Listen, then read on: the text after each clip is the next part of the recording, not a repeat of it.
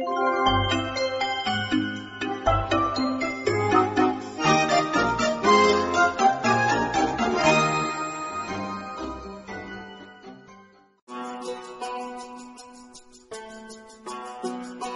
vegada hi havia una parella de berbers que vivien al desert. La seva feina consistia a travessar-lo una vegada i una altra.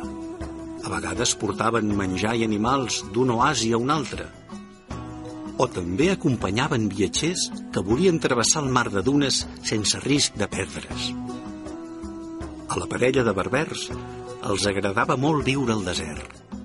De dia feia calor i t'hi havies de saber orientar però de nit la fresca treia el cap i les estrelles brillaven més que en qualsevol altre lloc del món.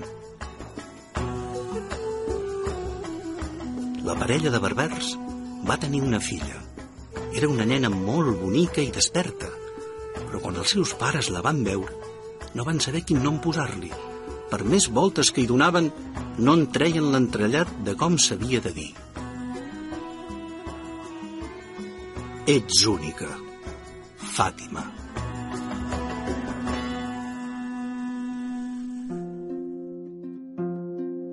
No fa cara de dir-se Mina com la seva tieta, deia la mare.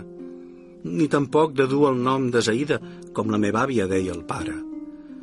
Ni tampoc de dir-se Nura, ni Iris, ni Jala, ni Karima, ni Rània.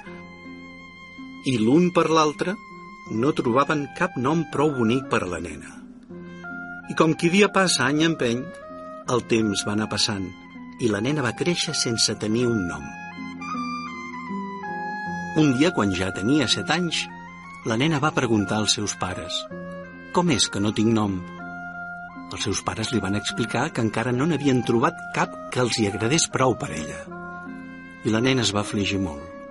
Es va anar posant moixa i com que no tenia nom, es va anar tornant invisible.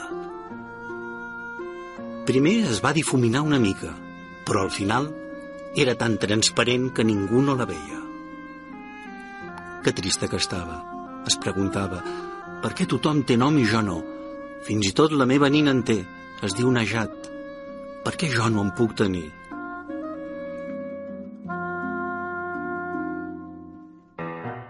Però ser invisible també tenia coses bones per a la nostra nena. Veia tot el que feia tothom sense que ningú no la veiés a ella. Una vegada va enxampar el seu amic Nazer dient «tifa, llufa» a la seva àvia. L'àvia va renyar-lo. No s'han de dir paraules lletges. Però la nostra nena va veure com a l'àvia se li escapava el riure per sota el nas. També va descobrir que el seu tiet Hassan estimava molt el seu camell i quan es pensava que ningú els veia, li deia que era el camell més espavilat del món i que si fos per ell, li faria un monument al millor camell del món.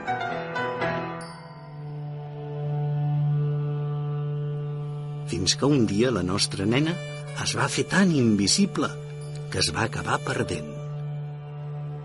Filla!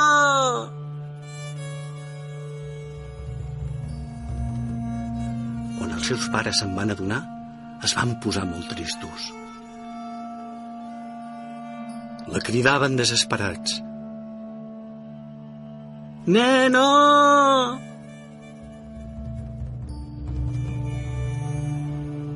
Però la nena no apareixia. Com es lamentaven el pare i la mare de la nena. Res no ens la substituirà, deia la mare. Ens vam equivocar molt, deia el pare. Ens pensàvem que havia de tenir un nom molt especial i ens vam oblidar que d'especial ja ho era ella. Era la nostra filla i era única. Tan bon punt la mare va dir aquesta paraula, la nostra nena va aparèixer al costat dels seus pares. Quina alegria van tenir quan la van poder tornar a abraçar. Perdona, ens deia la mare, t'estimem molt i no volem que tornis a desaparèixer, deia el pare.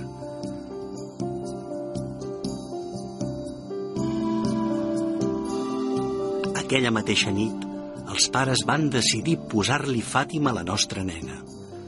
Fàtima vol dir única i també esplèndida. I és que pels pares, els seus fills sempre són ni més ni menys que únics. Quan la Fàtima es va fer gran, va ser una noia molt feliç.